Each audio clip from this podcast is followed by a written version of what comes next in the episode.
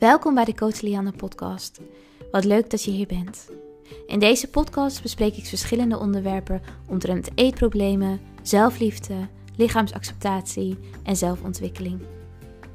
Al met al, alles om te zorgen dat jij sterker in je schoenen komt te staan en dat jij vanuit zelfliefde en vanuit de kracht die al in jou zit, gaat leven. Ik wens je heel veel luisterplezier en als je deze podcast leuk vindt, zorg dan dat je je abonneert zodat je geen enkele aflevering van mij mist. Hey, welkom bij deze podcast. Wat leuk dat je weer luistert. Ik ga vandaag in gesprek met Japke. Japke, vertel, wie ben je? Uh, ik ben Japke. Ik ben 29 jaar en ik woon op dit moment net in Haarlem. ben net verhuisd. Um, oh, ja, en ik woon samen met mijn vriend. En ik heb een eigen bedrijf. Ik uh, schrijf over hardlopen en wielrennen op mijn eigen blog. En ik heb een Instagram-account waar ik heel veel deel over sport. Um, dus ja, dat is eigenlijk een beetje wat ik doe. Leuk. Oh, leuk. Ik knal net even mijn knie oh. tegen de tafel? Uh, ik hoop niet dat mensen dat horen. Um, nou, wat leuk. En ja, jij had mij dus een berichtje gestuurd dat je graag ja. gast wilde zijn in een podcast. Um, vertel, waarmee ben jij in gevecht geweest? Of ben jij op dit moment nog mee in gevecht? Um, ja, in het verleden, nou eigenlijk iets van twaalf jaar geleden, heb ik een eetstoornis gehad. Um, dus daar ben ik toen heel erg mee in gevecht geweest. En ik heb uh, begin dit jaar gemerkt dat er nou, niet eenzelfde soort eetstoornis, maar wel een, iets wat ik heel erg herkende uit die tijd bij mij terugkwam. Um, dus dat was mhm. eigenlijk ook de reden dat ik jou een berichtje had gestuurd, omdat ik het ook heel belangrijk vind om daar meer over te delen. Um, en dat zat hem eigenlijk vooral in het sporten en het bewegen. Uh, dus ja, dat, en ik herkende heel veel patronen uit mijn eetstoornis van toen. Um, dus dat is mhm. eigenlijk ook, uh, ja, ik denk heel goed om dat ook bespreekbaar te maken, omdat er misschien wel andere mensen zijn die dat ook herkennen. Ja, die dan misschien nog niet heel bewust zijn van, oh ja, dat zou misschien ook wel daaruit kunnen komen. Ja, want hoe herkende jij dat? Was het dan, herken je het echt zelf? Of was misschien je omgeving die zei van, hey, Japke, misschien is het toch wel weer ook dat stukje, ja, ik, het eerste wat ik nu bedenk is mhm. controle.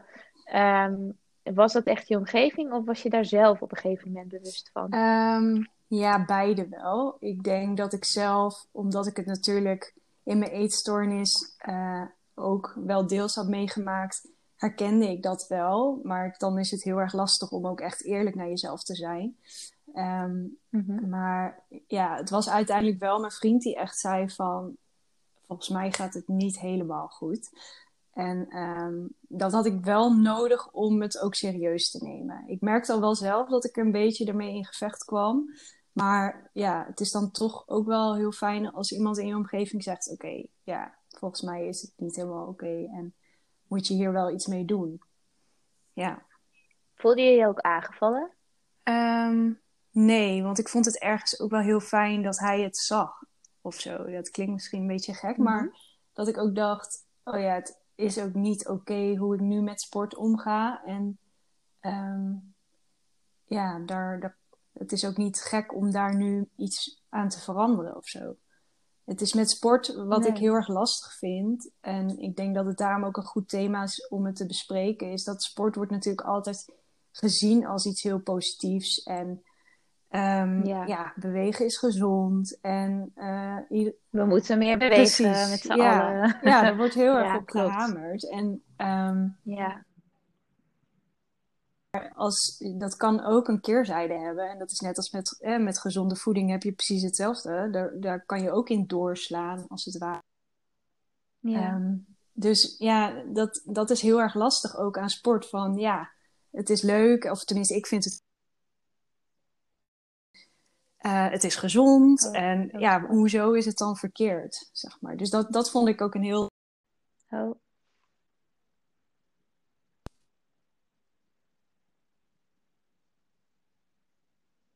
Hallo, hoor je mij nog? Oké, ja, hij liep helemaal vast bij mij. Als in, ik denk dat mijn internet wegliep. Hoor je me nu nog? Ik hoor je nog. Oké, nu hoor ik je weer. Ja, mijn internet eh, viel uit, denk ik, of zo. Ik weet niet wat er gebeurde. Dat heb ik nog nooit gehad.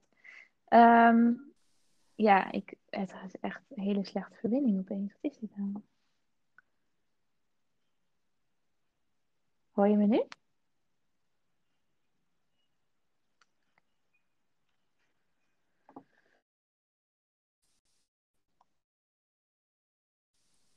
Ja, doet hij het weer? Fijn dat hij dat wel had opgemerkt, omdat het zo'n lastig, uh, ja, zo'n lastige balans is tussen uh, wanneer sport nog gezond en wanneer is het gewoon te veel. Um, dus ik vond het heel fijn dat hij mij daar wel op wees van ja, het is nu gewoon niet meer gezond. En het helpt dan wel om dan voor jezelf te denken, oké, nu moet ik ermee aan de slag gaan, want het is niet meer oké. Ja. Ja, ja, ja. Ja, want uh, inderdaad die balans tussen wat is gezond en wat is niet meer gezond. En uh, wat je net ook zei over, ja, het, er wordt altijd maar gezegd van ja, je moet meer bewegen, je moet meer sporten, Nederlanders moeten meer sporten. Um, ik begrijp ook wel, en ik denk dat heel veel luister, luisteraars zich daar ook heel erg in herkennen. Van oké, maar wanneer, wanneer wordt het een obsessie? Wanneer is het uh, niet meer gezond? Ja, dat is, dat is een heel. Vertel. ja, dat is een dat? heel lastige, uh, dunne lijn, denk ik. Uh, ik heb wel voor, me, voor mezelf ja, ook zeker. een beetje een soort van lijstje gemaakt. Heb ik laatst ook een keer een artikel geschreven op mijn blog. Van um, met daarin een mhm. aantal vragen die je jezelf ook kunt stellen. Van, uh, nou, bij mij ging het dus heel erg van um, over uh, kan ik nog flexibel omgaan met sporten? Hè? Kan ik, um, uh, stel, het, het kan een keer niet doorgaan, het sporten, om wat voor reden dan ook. lukt dat? Ben ik daar nog flexibel in? Of moet sporten voor alles gaan? Plan ik alles om het sporten heen? Ik merkte gewoon dat sporten voor mij echt centraal stond. En dat alle andere afspraken daar maar omheen moesten en anders maar niet. Maar het sporten, dat moest sowieso doorgaan. En als het niet door kon gaan, dan raakte ik in paniek. Mhm. Dus ik merkte gewoon dat dat gewoon zo belangrijk was geworden. Um, en uh, dus daar merkte ik het heel erg aan. En ook dat ik steeds meer en verder en langer bij mij, ja, ik, ik deed dan hardlopen en wielrennen. En dat het dan steeds verder moest en steeds langer. En je hebt steeds meer nodig, zeg maar, om je een goed gevoel eraan over te houden. Um, dus daar, allemaal mm. dat soort kleine dingen, daaraan merkte ik dat het gewoon niet meer gezond was. Maar ik denk dat dat ook per persoon wel weer kan verschillen hoor. Maar ik denk dat je op een gegeven moment wel ook voelt van, vind ik dit nou nog echt leuk en waarom sport ik eigenlijk? Ik denk dat dat wel belangrijke vragen zijn om jezelf dan ook te stellen. Van, wat heeft mijn lichaam nodig en ja. Ja, waarom ga ik nou eigenlijk sporten? Soms dan, sommige mensen hebben echt even zo'n schop onder hun kont nodig van je moet even van die bank af en even gaan mhm. sporten. Maar ja, voor andere mensen kan dat juist heel goed zijn om even juist wel op die bank te gaan zitten. Maar ik denk dat je dat zelf ook wel ja. diep van binnen wel voelt van wat heb ik eigenlijk nodig. Ja, en dat zeg je wel mooi van diep van binnen inderdaad. Het vergt wel echt van een stukje eerlijkheid. Want er zit natuurlijk ook ja. super veel angst onder op het moment dat jij dan bijvoorbeeld een keer niet gaat. Je zegt zelf ook, ja, dan krijg ik dus eigenlijk paniek. En wat ik heel vaak voor de vraag die ik heel vaak stel is: heb je een probleem of heb je moeite met rusten? Op het moment dat je moeite hebt met rusten, weet je eigenlijk dat er ook een hele grote stuk bewegingsdrang achter zit. En dat het eigenlijk obsessief is. Dus je doet het eigenlijk om te bewegen je doet het eigenlijk uit een, een bepaald soort patroon, uit een angst om het niet te doen en uit een angst om rust, te rusten. Ja, dat is wel heel herkenbaar. Ja, ja. het is echt, ja, voor mij was het echt letterlijk ook weglopen van, van mijn gevoel. Dus eigenlijk gewoon echt constant maar bezig blijven, zodat je ook niet hoeft te voelen. Dat je ook niet hoeft stil te staan bij wat, wat voel ik nou eigenlijk allemaal in mijn lijf, maar aan emoties. En als je gewoon gaat sporten, ja, dan, ik denk dat veel mensen dat herkennen, dan, dan hoef je even niet te voelen. Het kan ook een beetje verdovend zijn. Nee. Ja. Ja, zeker. Het is ook letterlijk verdovend. En ook verdovend eigenlijk van een naar gevoel, omdat het natuurlijk superveel uh, adrenaline aanmaakt. En, en ook, um, nou, ik kan even niet op dat hormoon komen. Cortisol? Maar uh, het maakt ja. cortisol, ja, maar het maakt ook gewoon een gelukshormoon aan. Waardoor je, waardoor je dus natuurlijk ook 9 van de 10 keer beter gaat voelen. Terwijl het niet eens zozeer beter is voor je lichaam. je lichaam had misschien meer baat bij een avondje bankhangen. Ja. ja. En je zegt, ja, het was voor mij eigenlijk weglopen. Was dat dan ook zo in je eetstoornis? Was het dan allebei, zeg maar, die coping om weg te lopen van je gevoel, om weg te lopen van uh, wat er eigenlijk werkt? Ja, ik denk het wel. En, en ook een heel groot stuk controle daarover. Dus echt een manier van grip krijgen op uh, wat gebeurt er allemaal in mijn leven en wat voor onzekerheden en spanningen heb ik allemaal. Maar ook wel echt um, ja, de emotieregulatie, zeg maar. Dat, dat, dat was voor mij het sporten. En toen in mijn eetstoornis was dat ja, eigenlijk niet eten of heel weinig eten of daar heel erg druk mee bezig zijn. Um, dus dat was eigenlijk wel eenzelfde soort patroon. En nu had ik het dus eigenlijk alleen maar heel erg met het sporten. Ja. Ja, ja. dus eigenlijk weer dat stukje, ik wil controle houden. Ehm, en ik, ik vind het moeilijk om te kijken wat er echt aan de hand is. Ja, ja. En um, je, hebt, je zei ook van ja, mijn vriend zei eigenlijk van joh, het gaat eigenlijk te ver. Maar wat vond hij dan te ver gaan? Wat zag hij? Ehm, ja, hij had het wel al vaker gemerkt, maar het was eigenlijk dat wij op vakantie waren en ehm, ik had besloten om niet te gaan sporten op vakantie. En dat was voor mij echt best wel lastig, omdat ik gewend was om veel te sporten en vaak. En ja, dan uh, tien dagen helemaal niks doen, dat vond ik heel erg lastig. Maar ik dacht, ja, ik ga gewoon niet sporten, mhm. want uh, ja, daar heb ik geen zin in. Maar ja, ik had er ook geen zin meer in. Ik, het was toen al dat ik al heel veel had gedaan uh, die tijd daarvoor. Dus ik was er ook helemaal eigenlijk diep van binnen, had ik gewoon echt geen zin meer in. Um, dus dat had ik ook mhm. mezelf voorgenomen. Maar goed, dat bleek natuurlijk veel moeilijker dan ik had verwacht. Um, ik dacht, ja, dat doe ik wel gewoon. En op vakantie heb je genoeg afleiding. Maar ik merkte gewoon heel erg, of nou ja, hij merkte ook vooral heel erg aan mij dat ik constant iets wilde doen. Omdat ik zo onrustig was. Ik kon gewoon niet even zitten en een boek lezen. En um, ik wilde heel veel activiteiten gewoon ondernemen.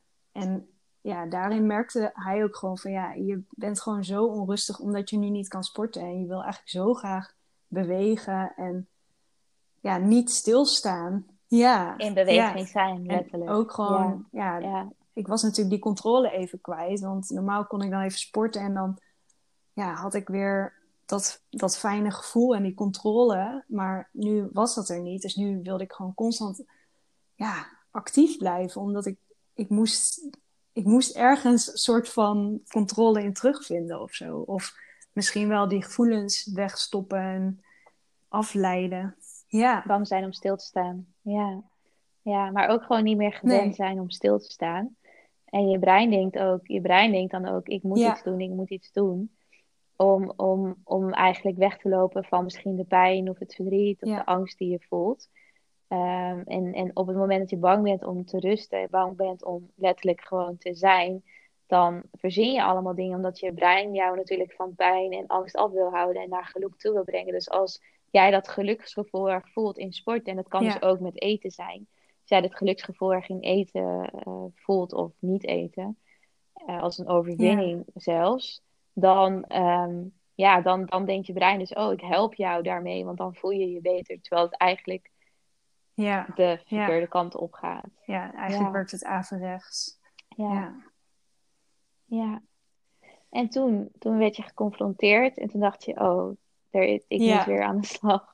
Ik moet hier iets aan doen. En hoe heb je dat gedaan? Ehm, ja, nou op het moment dat hij dat zei, toen brak ik ook wel echt. En toen dacht ik ook, ja, dit, dit is gewoon echt niet goed. En ik moet hier gewoon echt iets mee, omdat ik dus best wel veel herkende uit mijn eetstoornis uh, tijd. Um, dus toen heb ik wel uh, gekozen om um, ja, de huisarts te bellen en ook echt te vragen van goh, waar kan ik het beste terecht hiervoor? Want ik zat zelf heel erg te mhm. twijfelen van wat, wat is het nou eigenlijk? Ik wist wel de functie, omdat ik zoveel herkende. Ik wist eigenlijk precies zelf wel waar het vandaan kwam en wat, ja, wat nou de functie van dat sporten was. Maar ik was wel benieuwd van ja, hoe, hoe kan ik dit nou het beste aanpakken? Um, want zelf dacht ik, ja, zit het dan meer in een soort van verslaving? En ergens is het natuurlijk ook, ik ben wel dan verslaafd aan dat uh, bewegen. Maar ehm, ja, wat, wat is het nou eigenlijk? Dus ik was daar zelf heel erg zoekende in. En ook, ehm, ja, ik wilde heel graag weten van wat past precies uh, bij mij om hiermee verder te gaan. Dus uiteindelijk heb ik mhm. dan wel een coach gevonden om daar ook samen mee aan de slag te gaan. En uiteindelijk denk ik ook um, dat het niet zo heel veel uitmaakt. Nou ja, niet heel veel uitmaakt, het maakt wel uit. Maar um, de symptomen zijn misschien wel wat anders. Bijvoorbeeld bij een eetstoornis of nu, nu ik dat met heel erg met sporten had. Maar wat eronder zit is natuurlijk wel mhm. hetzelfde. Mm. dus het is meer een soort andere vorm van hoe ga ik dan met die nare gevoelens om? Of hoe zoek ik de controle? Maar uiteindelijk gaat het natuurlijk om wat zit erachter? En waarom heb je dit zo nodig? Ja. Um, dus daar ben ik echt mee aan de slag gegaan. En gekeken van, ja, waarom vind ik het zo moeilijk om stil te staan? En wat is er dan wat ik, nou ja, wat ik weg wil drukken, zeg maar. Um, dus daar ben ik heel erg mee mhm. aan de slag gegaan. En ook, ja, ik moest echt letterlijk het sporten afbouwen. Omdat ik te veel deed, um, wat goed voor me was. En ik moest ook leren om door dat nare gevoel eigenlijk heen te gaan, door die onrust. En dat was wel echt het moeilijkste. Ja. Um, en dag, de eerste keer, dat, ja, de eerste keer is misschien nog niet zo moeilijk, maar juist het volhouden daarvan is heel erg moeilijk. Dat heb ik ook wel ervaren. Dat, ja, weet je, een keer uh, niet sporten terwijl je wel heel graag wil, ja, oké, dan heb je misschien even moeite en dan lukt dat. Maar ja, een, een volgende keer dan weer mhm. doen, dat, dat vond ik vooral het lastige. Om dat dan vol te houden. Ja. Ja. Ja. En om, om die angst daarin te overwinnen ook. Ja. ja. Je zegt, ik heb het afgebouwd, dus je hebt eigenlijk um, dat stapje voor stapje gedaan. En dat, werkte dat goed voor jou met stapje voor stapje um, Ja, eigenlijk wel. Mhm. er wel, wel. Ik heb wel getwijfeld of ik niet helemaal zeg maar, moest stoppen met sporten om dan even helemaal te ervaren wat er gebeurt. Um, En mhm. er zijn ook wel uh, weken geweest waarin ik dat heb gedaan, dat ik echt helemaal niet heb gesport. Uh, maar ik merk dat het voor mij ook wel een positief effect heeft. Uh, en ik mhm. vind het ook juist heel belangrijk dat ik wel leer, juist ook tijdens het sporten, leer luisteren naar mijn lichaam. En kan voelen van wat, ja, wat, hoe voelt mijn lijf nu en waar heb ik nou echt behoefte aan? En wat zegt zeg maar die stem die zegt je moet verder, je moet door. Um, dus dat ook heel erg uh, leren aanvoelen. Uh, en dat, dat heb ik wel geleerd door het ook een beetje af te bouwen en daarin steeds te kijken van oké, wat, wat zegt nu mijn gezonde stem en wat zegt nu die kritische stem die mij constant verder wil, uh, wil duwen, zeg maar. Dus dat, ja, dat heb ik eigenlijk zo stapje voor stapje gedaan. Maar ik denk dat dat ook weer per persoon weer kan verschillen hoor. Dat het voor sommige mensen juist misschien wel heel fijn is om er even helemaal uit te zijn. Um, ja, zeker. Ja, het is natuurlijk altijd zo met, met het overwinnen van, van drang, met het, uh, elk al, al is het een eetstoornis, al is het bewegingsdrang. Uh, doe het niet alleen. Vind echt hulp, want het is heel erg moeilijk om het alleen te doen. En je kan dan samen met een coach natuurlijk echt werken aan, oké, hoe kan ik het voor mezelf, uh, ja, wat werkt voor mij? En ik ben er niet alleen in. En ik heb iemand die zo nu en dan ook even een helikopterview creëert over de gedachten die ik heb, of de angsten die ik heb. En ook het, het, letterlijk onderzoeken van de angst. Dus niet meer bang zijn ook voor dat onrustige mhm. gevoel. Wat je, wat je eigenlijk krijgt op het moment dus dat je... Want ik heb zelf ook veel last gehad van bewegingsdrang. Maar echt letterlijk in je onrust gaan zitten. En dan ook niet iets anders doen. Geen afleiding zoeken. Maar in je onrust gaan zitten. En ook je kritische ik. Wat je ook heel mooi zei van de kritische ik. De gezonde ik en de kritische ik ook letterlijk onder de loep nemen. Van oké, maar wat doe jij hier? Um, wat, wat wil je van me? En um, er is ook ooit, ooit een onderzoek gedaan naar op het moment dus dat je letterlijk in je onrust gaat zitten en die gaat, deze gaat omarmen. Dus niet meer weglopen, geen, geen afleiding zoeken. Ga er maar mee zitten, ga letterlijk op de grond zitten, ga er doorheen ademen, dat die dan ook weggaat. Want dan leer je je brein dus van deze onrust, daar hoef je niet bang voor te zijn en daar hoef je niks mee te doen. Het mag er zijn. Waardoor je dus ook steeds, die onrust steeds minder wordt naarmate je dus meer die uitdaging ja, aangaat. Klopt, ja. Heb je dat ook zelf ervaren? Ja, ik heb ook heel veel mhm. aan ademhalingsoefeningen gehad. Ehm, echt om mezelf in zo'n onrustig moment dat ik dacht, nou, nu wil ik eigenlijk gewoon sporten, maar nee, ik doe het niet. dat ik ook echt ademhalingsoefeningen ging doen. En ja, een beetje naar die onrust toe ademen. En ook gewoon voelen van, het is oké of zo. Er, er gebeurt niks geks. Het, je kunt dit aan.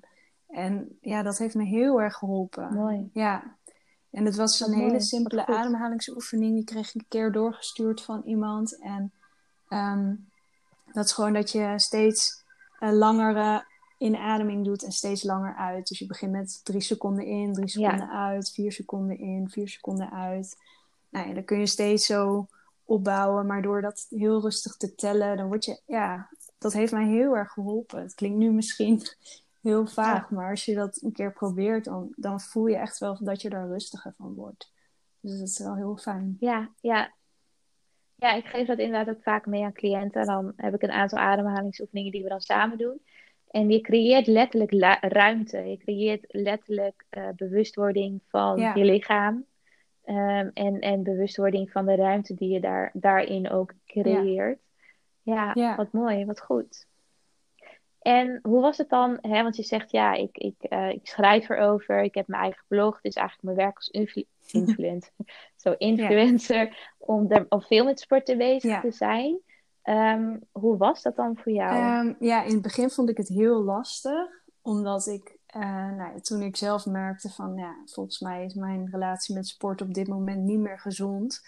Ja, toen dacht ik, ja, moet ik dat nou delen? En um, ja, hoe ga, ik daar, hoe ga ik daarmee om? Want ergens schaamde ik me er ook wel weer voor. En dat ik dacht, ja, ik moet ook een goed voorbeeld zijn. Dus ik zat heel erg daar zelf mee te worstelen. Maar ik vond ook dat ik eerst wel um, stappen moest zetten voor mezelf. Dat ik iets sterker was om daar ook over te gaan delen. Um, want ik dacht, ja, als ik dat nu al ga delen, terwijl ik zelf nog niet echt goede handvaten heb, dan weet ik ook niet of ik daar goed over kan schrijven. Uh, dus daar heb ik mhm. wel eventjes mee gewacht. En op een gegeven moment had ik zoiets van, ja, ik wil het nu gewoon kwijt. Omdat ik het voelde ook alsof ik niet meer helemaal mezelf kon zijn op mijn eigen blog en mijn eigen Instagram. Dus ik dacht, ja, nu wil ik er gewoon eerlijk over zijn. En ja, dat, dat heeft me echt zo erg opgelucht. Dat was echt, nou, dat heeft me ook weer heel erg geholpen uiteindelijk.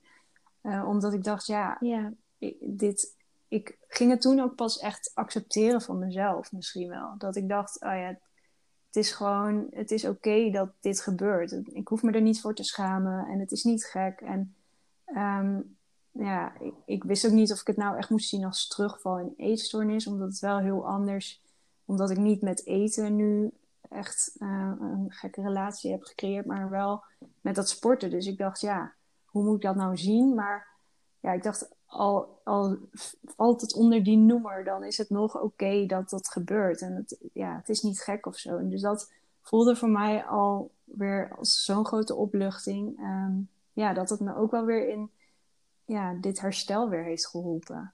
Dat is eigenlijk juist wel heel fijn. En ook wel hele mooie gesprekken kon ik weer voeren met mensen die zich erin herkenden. En uh, ja, dus ik denk dat het, dat het wel heel goed is geweest. Ja. Ja, wat mooi ja. zeg. Ja. ja, pas op het moment is dat je het ook echt gaat delen en erva gaat ervaren uh, hoe fijn het is om, om dat te voelen, die opluchting. Ja, dan... Maar wat voor angst zat er dan achter om het te delen? Waar, waar was je bijvoorbeeld bang voor? Wat vond je er één aan? Um, ja, het is denk ik toch gewoon heel kwetsbaar. Dat je... Uh, ja, kwetsbaar zijn, dat is sowieso, denk ik, voor veel mensen wel lastig. En op zich was ik op mijn blog altijd wel mhm. heel open. En ik heb ook veel over mijn eetstoornisverleden gedeeld. Maar dat was al toen al voorbij. Dus dat voelde heel anders. En nu dacht ik, ja, nu zit ik er nog, nog in. En dan voelt het heel kwetsbaar. Maar, um, dus ik denk mhm. dat. En ja, daar zit dan een stukje schaamte of zo in. En het misschien ook wel gewoon goed willen doen. Maar aan de andere kant heb ik ook mm. ervaren dat dit juist goed doen is eigenlijk. Door eerlijk en, en, en open te zijn. En dat het, ja, het, ja, ik heb er echt geen spijt van gehad in ieder geval. Het is echt uh, alleen maar heel erg mooi geweest. Ja. ja, en ook dat het, het kan niet, zeg maar, het kan niet altijd goed nee, gaan. precies. we hebben allemaal ups en downs. En het is juist fijn om die momenten te delen om het ook menselijk te maken ook. Want soms voelt social media, ehm, die krijg ik ook heel vaak terug van volgers. Van, uh, het, het, voelt altijd alsof het zo goed gaat met iedereen. Uh, en dat iedereen het altijd zo goed doet. En ik hoor zelfs van vriendinnen van, oh, je was echt super productief hè, deze yeah. week. Dat ik denk, uh, dat valt eigenlijk best wel mee, maar misschien lijkt het zo. Maar ik vond het juist wel meevallen. Of um, hè, het is juist mooi ook dat we delen van, oké, het gaat eigenlijk helemaal niet zo goed. Of ik heb ergens moeite mee. En het maakt het menselijk, het maakt het echt. En daarin durven mensen misschien ook weer die kwetsbaarheid terug te geven. Van, oh wow, dit herken ik en dankjewel, want nu kan ik er zelf ook iets mee doen. Ja, ik kreeg ook letterlijk ja. berichtjes van, van mensen die zeiden, wat fijn. Uh, ik, ja, ik, ik ben, ben je gaan... Ik, ik volgde je en toen heb ik je ontvolgd, omdat ik dacht, ja, uh, dit is niet meer oké okay en ik, ik kan hier niet naar kijken dat je zoveel sport. En het lijkt een beetje onmenselijk. En dat ze nu me weer gingen ja. volgen. En dat ze zeiden, wat fijn dat je hier open over bent. Want ik ging gewoon aan mezelf twijfelen van... waarom kan ik niet zoveel sporten? Of waarom... En dus ja, ja. Dat, dat doet dan ook wel ergens pijn. Dat ik denk, oh, wat, wat erg dat mensen dat zo hebben gevoeld. Maar ja, ik was er toen ook nog niet klaar voor. Dus ik kan mezelf dat ook niet kwalijk nemen. Maar ik vind het nu wel heel fijn dat ik daar open over kan zijn. En dat ik ook kan laten zien, ja, het was ook niet oké. Okay. En... Um, ja, dit is hoe ik het nu doe. En ik probeer daarin wel veel opener te zijn. Maar ja, het blijft natuurlijk inderdaad met social media. Ik laat ook niet alles van mijn leven zien. En ja, dan ja, zie je maar een klein stukje. En je weet ook niet. Ja, ik denk dat dat wel een goede. Goed is om te onthouden voor iedereen. Van ja, niet al, je ziet gewoon niet alles. Nee, zeker. Zeker. Ik probeer dat ook altijd wel ik probeer mensen er altijd wel bewust van te maken natuurlijk. Want uh, mensen creëren ook vaak een beeld van je. Dat doe ik ook. Dat doet iedereen. Je creëert toch een beeld van iemand wat je gaat geloven. Ja, zeker. Uh, ja. ja. Ja. En, en heb je ook, stel, of had je ook nog last van uh, regeltjes rondom voeding ook? Op het moment dat je dus die bewegingsdrang, dat je daar bewust van werd? Werd je ook bewust van regeltjes rondom voeding? Of was het echt letterlijk alleen maar die die bewegingsdrang um, die, uh, die je toen. Nee, het was wel echt vooral de bewegingsdrang. Maar ik. Um, het is wel nou ja, grappig. Ik weet niet of grappig het goede woord is. Maar ik merkte wel mm. dat toen ik uh, aan de slag ging met het sporten en, en het minderen, dat ik wel ineens, ineens gedachten rondom het eten kreeg. Dat ik ineens dacht, oh, mm -hmm. maar misschien moet ik dit dan ook maar niet meer eten. En gelukkig herkende ik dat heel snel. En heb ik er ook gewoon, ik heb ook voor mezelf gewoon heel zwart-wit gezegd: Oké, okay, ik ga niet knoeien met mijn eten. Want als ik daaraan ga beginnen, dan ben ik nog weer verder van huis. Dus daar ben ik wel heel streng ook voor mezelf in geweest.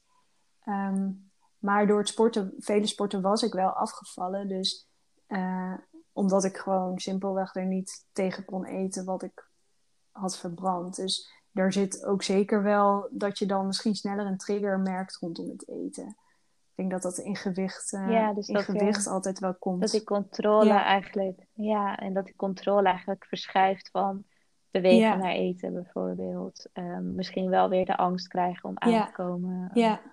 Ja. en ik ben nu ook nog, ja, ik ben nu uh, wel weer aangekomen en dat vind ik ook heel fijn, want ik, ja, ik vond het zelf ook niet, echt niet mooi om te zien dat ik was afgevallen. Dus daar heb ik ook wel, uh, ja, wel extra voor moeten eten, omdat het anders, anders ja, lukt dat gewoon niet. Um, dus dan moet je er toch wel weer ergens mee aan de slag. Dat je denkt, oh, je moet gewoon echt weer meer gaan eten en daar echt weer op letten.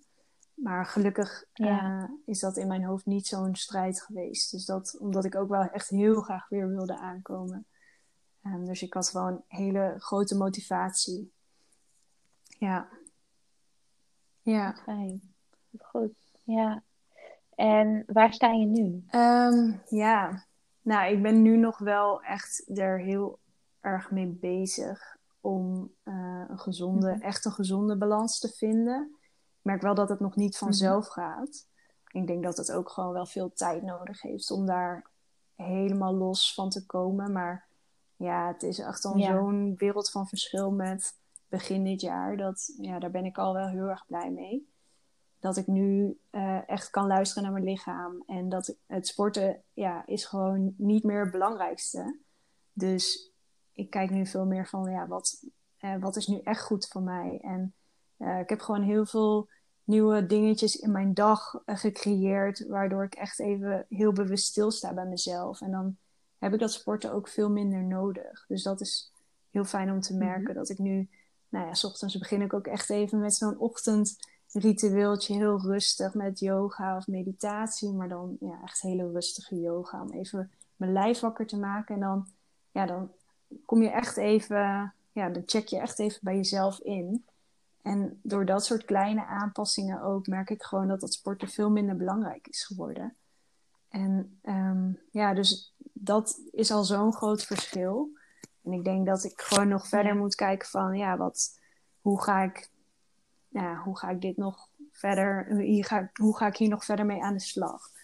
Um, en hoe ga ik dit nog sterker maken, dat ik nog minder um, ja, drang heb om te sporten. Uh. Maar ja, ik ben nu al zoveel verder dan dat ik was. En uh, ja, dat is wel heel fijn, om te merken. Ja, zeker. Ja, ja. goed. Ja. En hoe was het dan voor je vriend? Heeft hij je ook kunnen helpen? Um, ja, zeker. Ja, hij, nou, het is, ik vond het ook heel fijn dat hij het wel heel goed begreep. Um, ja, hoe, hoe het sporten. Hij, hij is zelf ook een sporter, dus hij weet ook gewoon wat sporten met je doet.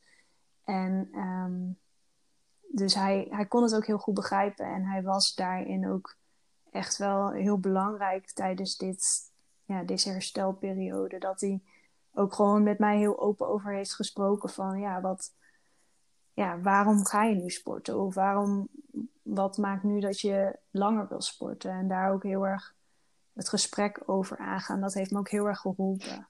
En ook wel goede vriendinnen hoor, moet ik zeggen. Want ja, ik wilde ook heel graag weten van, ja, hoe doen andere meiden dat, of vrouwen van mijn leeftijd, hoe gaan die om met sporten? En wat, ja, hoe zien zij sport als, of bewegen in het algemeen? Hoe gaan ze daarmee om? En uh, wat zijn hun gedachten als zij gaan sporten? En wat denken ze als ze een keer niet kunnen gaan sporten? Dus dat, daar heb ik ook wel heel erg van geleerd. En vond het in het begin best lastig om daar vragen over te stellen aan anderen. Maar ja, dat heeft me wel heel erg geholpen om er ook op een andere manier naar te kijken.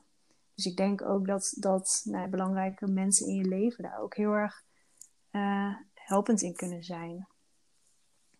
Ja. Ja, ja en, en hoe kun je dan, denk je, om hulp vragen? Is dat iets wat je hebt gedaan ook? Um, ja, voor mij, uh, wat ik zelf het fijnst vind, is eigenlijk gewoon als, als je sowieso gewoon een, een open gesprek met iemand kunt hebben, dat, dat is het, het, het fijnst natuurlijk. Um, en dan kunt delen wat je, nou ja, wat, hoe het nou eigenlijk echt met je gaat. Um, ja.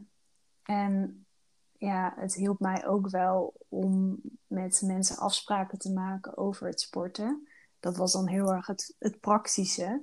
Maar dat kon ook wel echt een stok achter de deur zijn. Want uh, het is zo verleidelijk om het alleen te doen of zo. En het niet te delen. Maar um, juist door het een beetje open te breken en, en te delen met mijn vriend van, nou, ik wil eigenlijk deze week dit of dit doen aan sport. En ik ja, wil eigenlijk dat mag eigenlijk niet meer zijn ja, als ik dat niet zou delen, dan kan ik heel makkelijk voor mezelf zeggen: ah, ik ga toch nog een keer, of ik ga nog wat langer sporten, of vandaag toch wel. Of...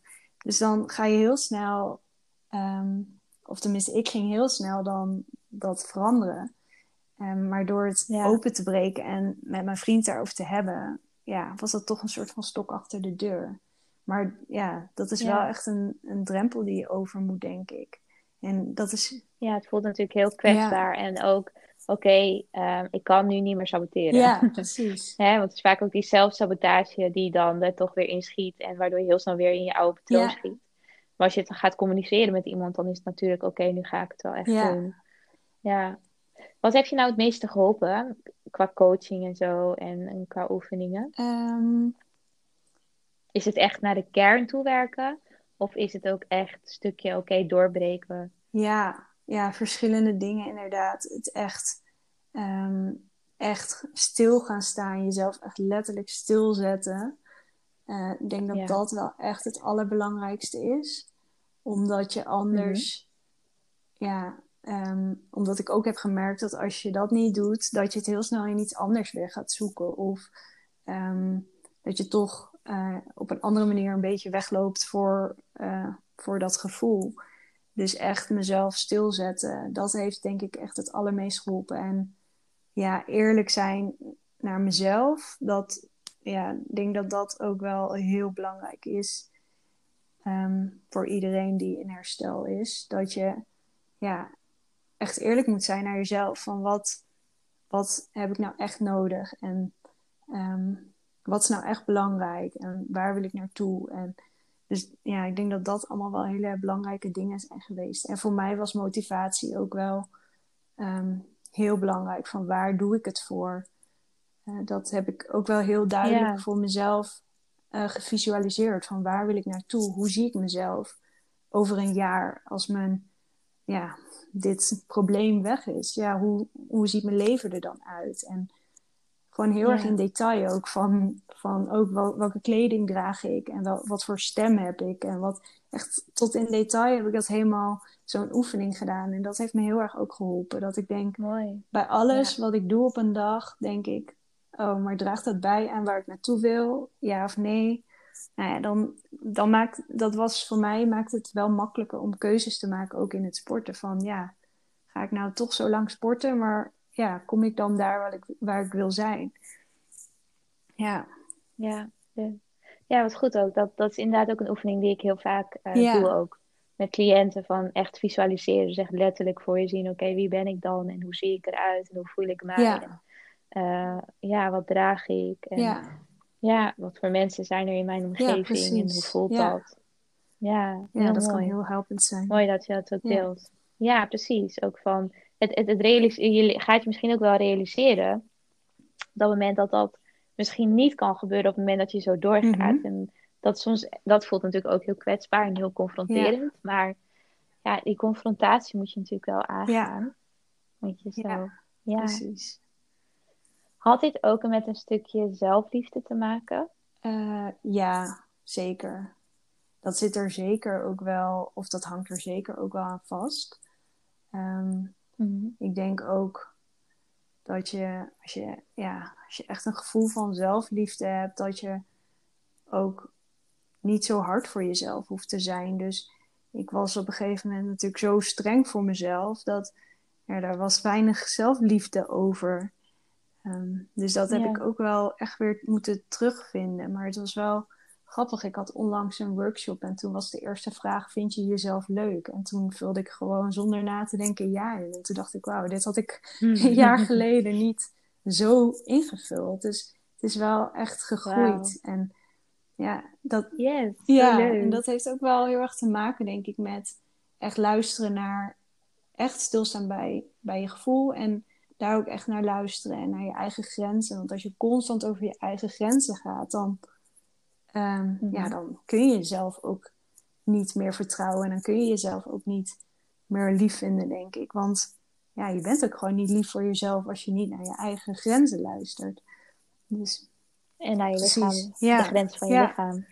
Dus ja, uh, ja dat, dat heb ik dus daardoor denk ik ook een beetje afgebrokkeld. Omdat, je, omdat ik gewoon te ver ging.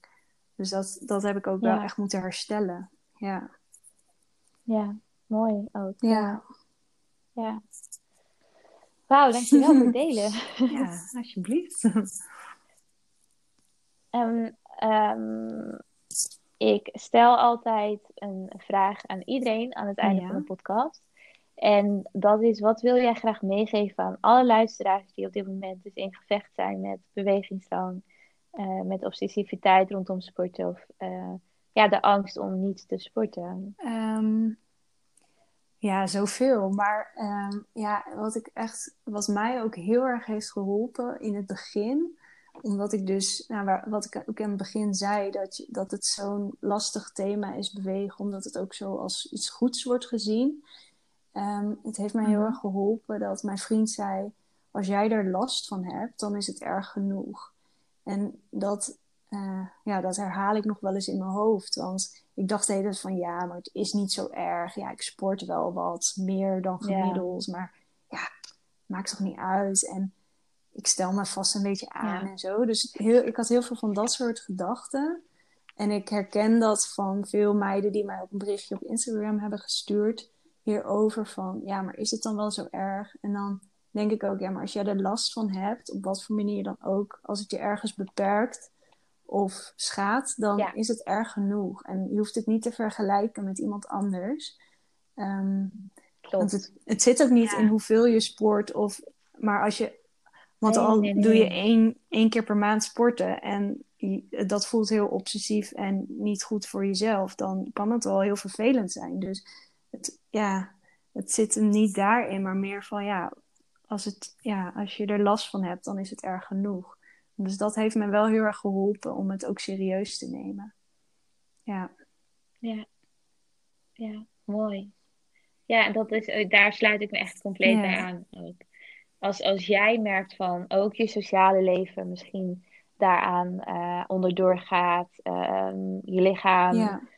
Uh, je, als je merkt, ik, ik ben er continu bezig, mee bezig in mijn hoofd. Ik heb gewoon geen ruimte meer voor andere dingen. Ehm, ik krijg ja, letterlijk onrust op het moment dus dat ik niet ga. Of angst. Of ik ga compenseren met eten.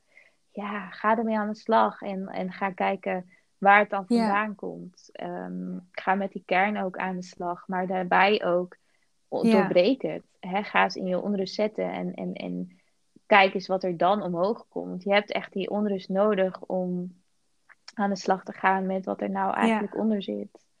En wees, dan, wees er ook niet bang voor. Wees niet bang voor dat stukje hulp vragen. Dat is juist eigenlijk heel, heel goed en heel uh, nodig om te doen. En het is niet, dat is helemaal niet uh, zwak. Nee, het is juist heel krachtig. En ik denk ook het eerste uh, ja, ik, de eerste stap in zelfliefde is om hulp vragen. Want je, je komt voor jezelf op en je, ja, je, je geeft jezelf ook echt de kans om beter te worden of te leren. Of, dus ja, dat is juist echt een hele mooie stap. Ja. Nee, mooi. Dankjewel voor het delen en dankjewel ook voor je kwetsbaarheid. is er verder nog iets wat je graag zou willen delen? Ehm, nou, ik heb al wel heel veel gedeeld. Nou, ik ben nog wel benieuwd hoe jij dat zelf... Um, want jij zegt, ik heb zelf ook bewegingsdrang wel veel uh, gehad. Maar ik vroeg me af of je dat zelf nog... Hoe je daar zelf nog iets um, specifieks mee hebt gedaan. Of heb, heb je dat echt in je eetstoornis meegenomen, in het herstel? Um, nou, ik merkte dat het daarna dat, dat, dat die bewegingsdrang was ook in mijn eetstoornis. Dus in mijn herstel heb ik daar best wel veel mee gedaan. Uh, maar daarna kwam het bij mij ook wel weer terug. Ik heb bijvoorbeeld een bikini fitnesswedstrijd oh, gedaan. Um, wat, wat, natuurlijk echt complete eetstoornis, slash bewegingsdrang um, cirkeltje is. Uh, maar op een gegeven moment, ik was daar echt, ik was er ook echt klaar mee. En ik merkte, ik weet nog dat ik een keer naar de sportschool ging voor nou, training 6 van de week bijvoorbeeld. En ik, ik zat op de fiets en ik, ik was aan het fietsen door Amsterdam. En dacht ik, wow, ik ben zo oh, moe. Ik kan niet meer. Um, en ik, ik heb gewoon geen zin. Ik had ook gewoon echt geen zin om te sporten. Alleen er was zo'n klein stemmetje die mij zei, ja, je moet sporten. Ja. ja, ja, je moet wel gaan. Want je hebt, al, je hebt bijvoorbeeld dit en dit gegeten. Dus je moet wel gaan. Dus dacht ik, oh mijn god, nee. Nee, dit gaan we niet meer doen. Ik ben er klaar mee. Ik wil het niet meer. Ehm, dus toen ben ik gewoon letterlijk gewoon omgekeerd uh, teruggegaan. Wat goed. En uh, ben ik ook gewoon even niet gegaan. Ik, ik dacht echt, ja, dit is gewoon, dit wil ik gewoon niet meer. Ik moet dit gewoon gelijk doorbreken. Dus ik vroeg elke keer mezelf, oké, waar heb je zin in? Wat wil je gaan doen? En heel vaak was dat gewoon niks. Want ik was ook gewoon moe. Ik werkte heel erg veel. Um, dus um, ja, ik had ook, ik had dus een soort van online coaching, strength coaching, maar dat heb ik toen stopgezet. Geen um, geen schema meer om te volgen. En als ik wel zin had om iets te doen, ging ik bijvoorbeeld lekker wandelen buiten.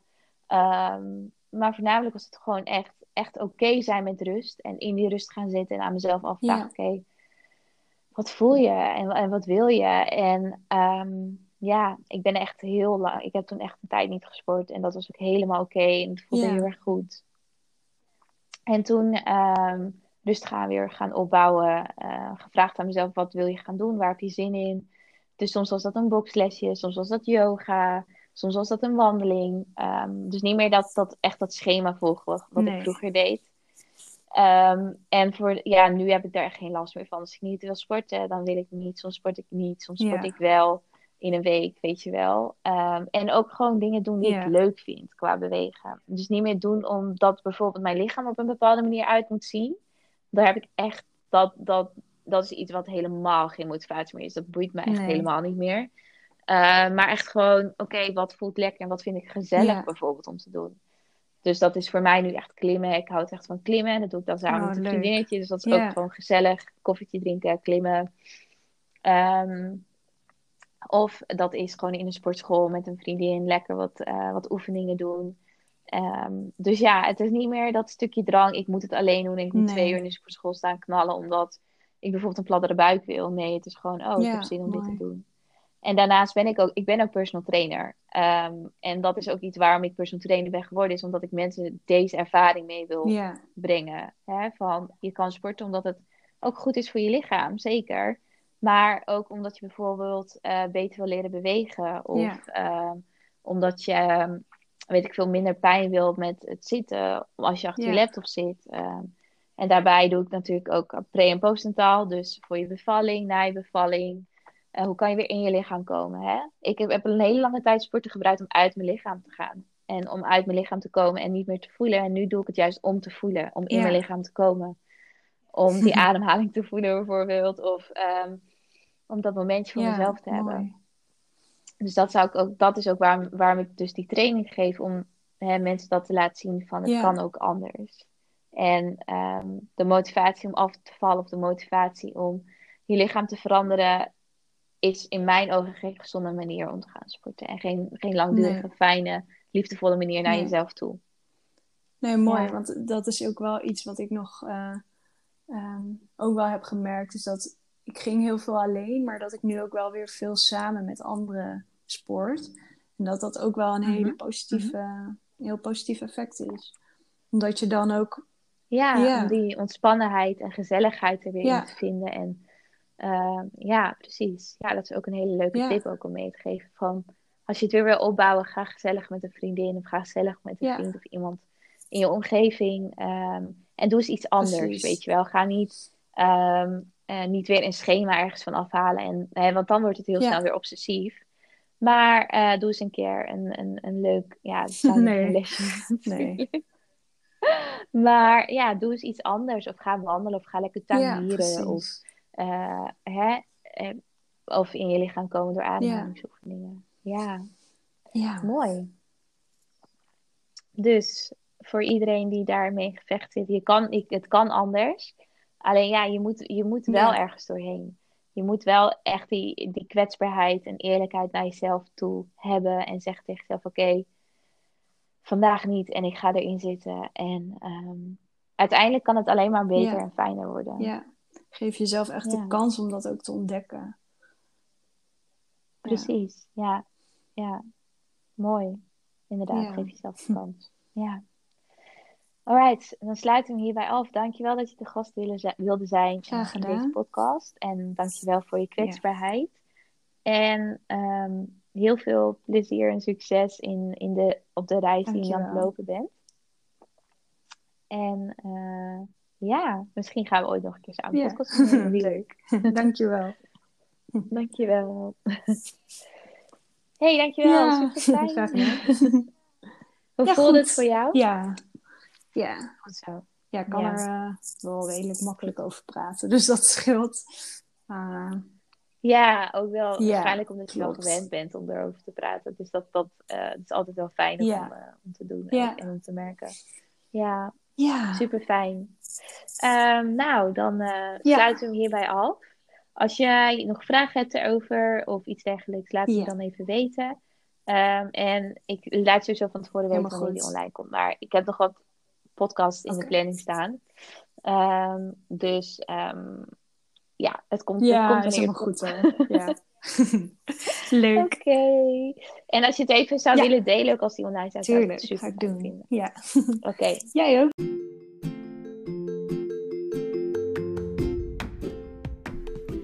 Wil je nogmaals bedanken voor het luisteren naar deze podcast.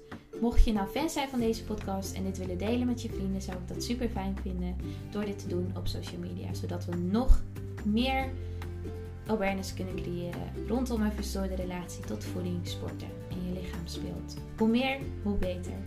Daarnaast, mocht je interesse hebben in mijn boek, de online cursus of één op één coaching, ga dan even naar www.coachlianne.nl voor meer informatie. En daar kun je ook het contactformulier invullen en dan kom ik zo snel mogelijk bij je terug.